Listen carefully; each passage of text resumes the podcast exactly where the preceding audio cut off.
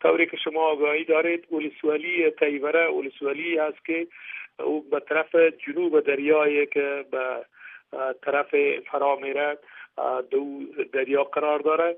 در قسمت شهر فیروسکو قطعات ما جدیدن رسیده.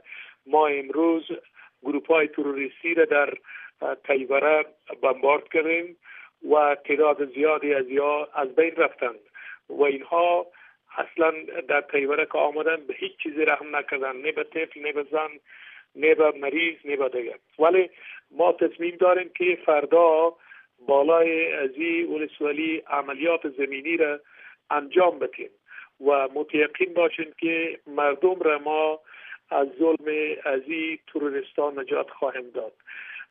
به همین شکل در یا در ولسوالی کوهستان در 800 متری جایی که تروریستا ولسوالی را به دهش به دهشت و وحشت برابر کردن ما در اونجا قرار داریم. امروز فعالیت های محاربوی اکمالات و همه چیزها را در اونجا ما اجرا کردیم. ما امیدوار هستیم که به وقت بسیار نزدیک بتوانیم هم ولسوالی تیوره ولایت غور و هم ولسوالی کوهستان ولایت فاریاب با در نظر داشت ظرفیت ها و قابلیت هایی که در اونجا متصور است و ما روی زو حساب می‌کنیم.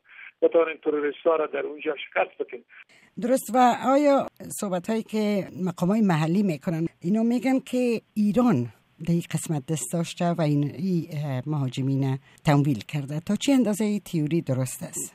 خب به هر صورتش ما اینطور میگیم که اینها تروریست های هستن که از منطقه داخل افغانستان میشن و بالاخره کشور ما را به تهدیدات مواجه می سازند مگر ما تا حال شواهد بسیار قوی را در این مسئله پیدا نکردیم که ایران روی مسئله تیوره دخیل باشه؟ اما به هر صورت از هر جای و هر مکانی که توریست ها تانستند به افغانستان آمدن و فعلا می‌خوان که برای آینده ها گویا یک شرایطی را برای چانزنی خود برابر بسازند. شما خبر دارید که در همین دو ولسوالی که آرامترین ولسوالی ها بودند اینجا در پساوند یعنی در شمال تیبره و بعضی مناطق دیگه ها شکست خوردند. به نام ملا هجرت الله هلمندی والی نامنهاد از یا از بین رفت.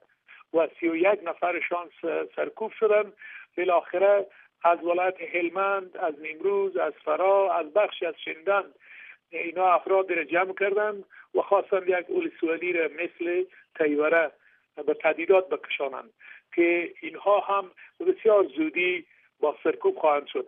و در ولایت فاریاب همین اکنون ما در داخل اولسوالی هستیم و اولسوالی به تهدیدات مواجه شده. مگر ما اکمالات خود کردیم نیروها را در اونجا زیاد و کماندوها را پیاده کردیم. ما امیدوار هستیم که و مصمم هستیم که به هر دو ولسوالی با وقت و زمانش اجراعات مقتضی صورت بگیره. ولی که گفتن که اینا تا بند سلما پیش روی از یا کسی نخواهد بود تا بند سلما امو هفت خانه رستم است. هیچ کس در اونجا دستیابی نخواهد کرد و در اونجا قطعات ما در هر جای وجود داره. ما متیقین هستم که در همین دور ولی اینا خلاصه میشن و بالاخره اینا سرکوب خواهند شد رادمن سه بین ولسوالی چشت ایراد که بند سلما واقع است و تیوره در بله. ولایت غور چقدر فاصله است؟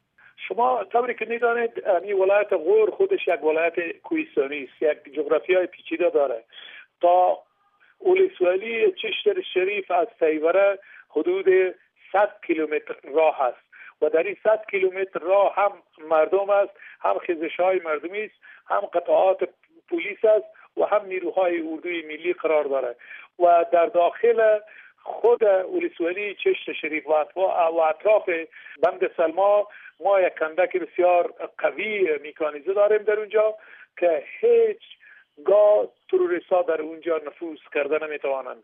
و این باید خاطراتش به گور ببرد. درست. در قسمت فاریاب به آخرین سوالم است که شما گفتین که در ولسوالی نیروهای حکومت موجود است. طالبا ادعا می‌کنن که مرکز ولسوالی کوهستان اینا تسخیر کردن. آیا این ادعا غلط است؟ ادعای از به تدید کشاندنش درست است ولی اگر یک جغرافیای بزرگ به نام ولی به یک اتاق و یا به یک تعمیر خلاص شود درست. اما اگر جغرافیا مطرح است در او جغرافیا مردم زیاد زندگی می‌کنند که طرفدار دولت هستند و نیروهای دفاعی و امنیتی ما هم در او جغرافیا حضور دارد. بنابراین این گپشان غلط است و ما به بسیار زودی او رسولی را از وجودشان هم تصفیه خواهیم کرد.